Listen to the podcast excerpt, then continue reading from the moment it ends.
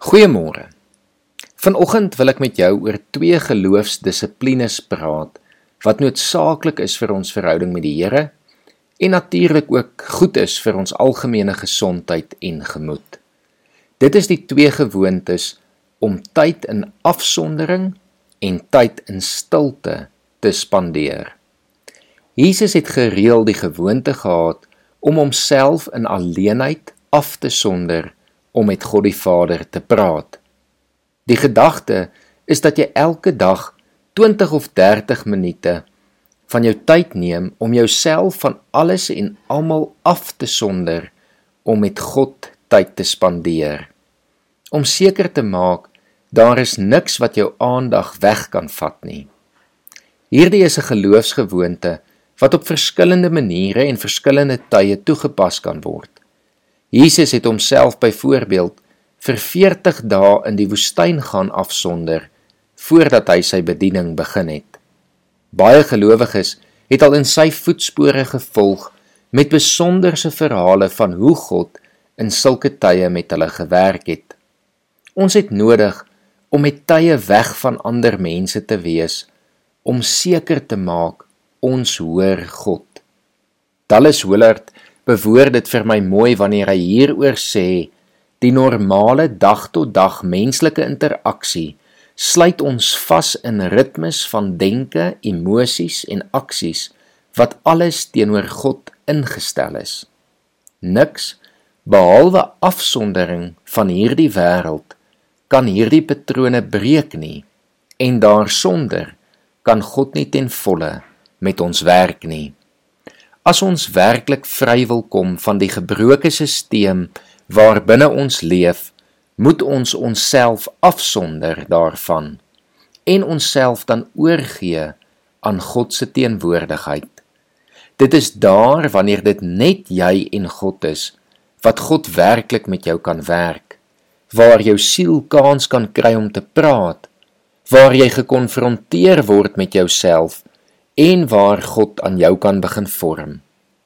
Hierdie is natuurlik nie altyd maklik nie, maar dit is goed en nodig vir ons. Dit is hier waar jy nie afhanklik van mense is nie, maar leer om alleenlik afhanklik van God te wees. Ek wil jou aanmoedig om vandag te begin deur jouself van alles en almal af te sonder en tyd in stilte by God te gaan spandeer mik vir 10 minute of 15 minute. Begin net al is dit net 'n paar minute. Sodra jy jouself afsonder, is die volgende uitdaging dan om werklik stil te word.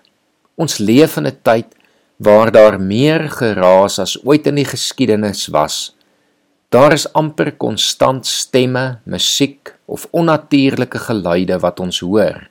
Om dus tyd in stilte te spandeer is nie net goed nie, maar noodsaaklik vir ons menswees en nog meer belangrik vir ons verhouding met God.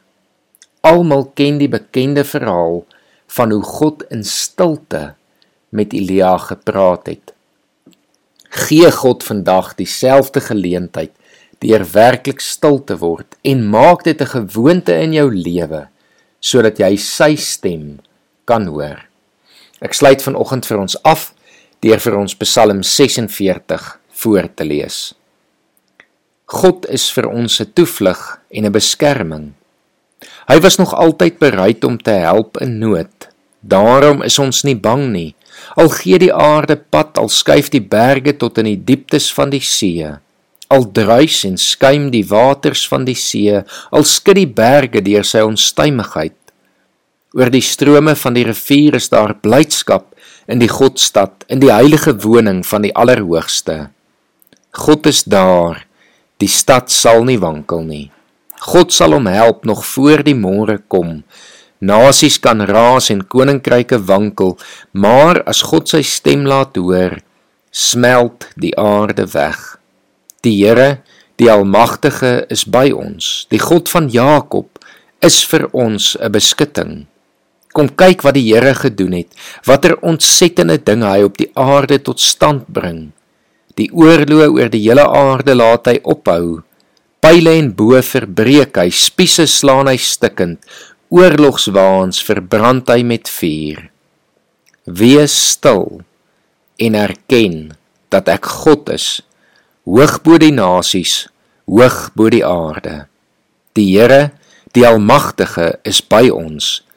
Die God van Jakob is vir ons 'n beskutting. Ek herhaal net weer vers 11. Wees stil en erken dat ek God is. Kom ons bid saam. Here, dankie dat U ons uitnooi om tyd in stilte, weg van die wêreld in afsondering net met U te spandeer.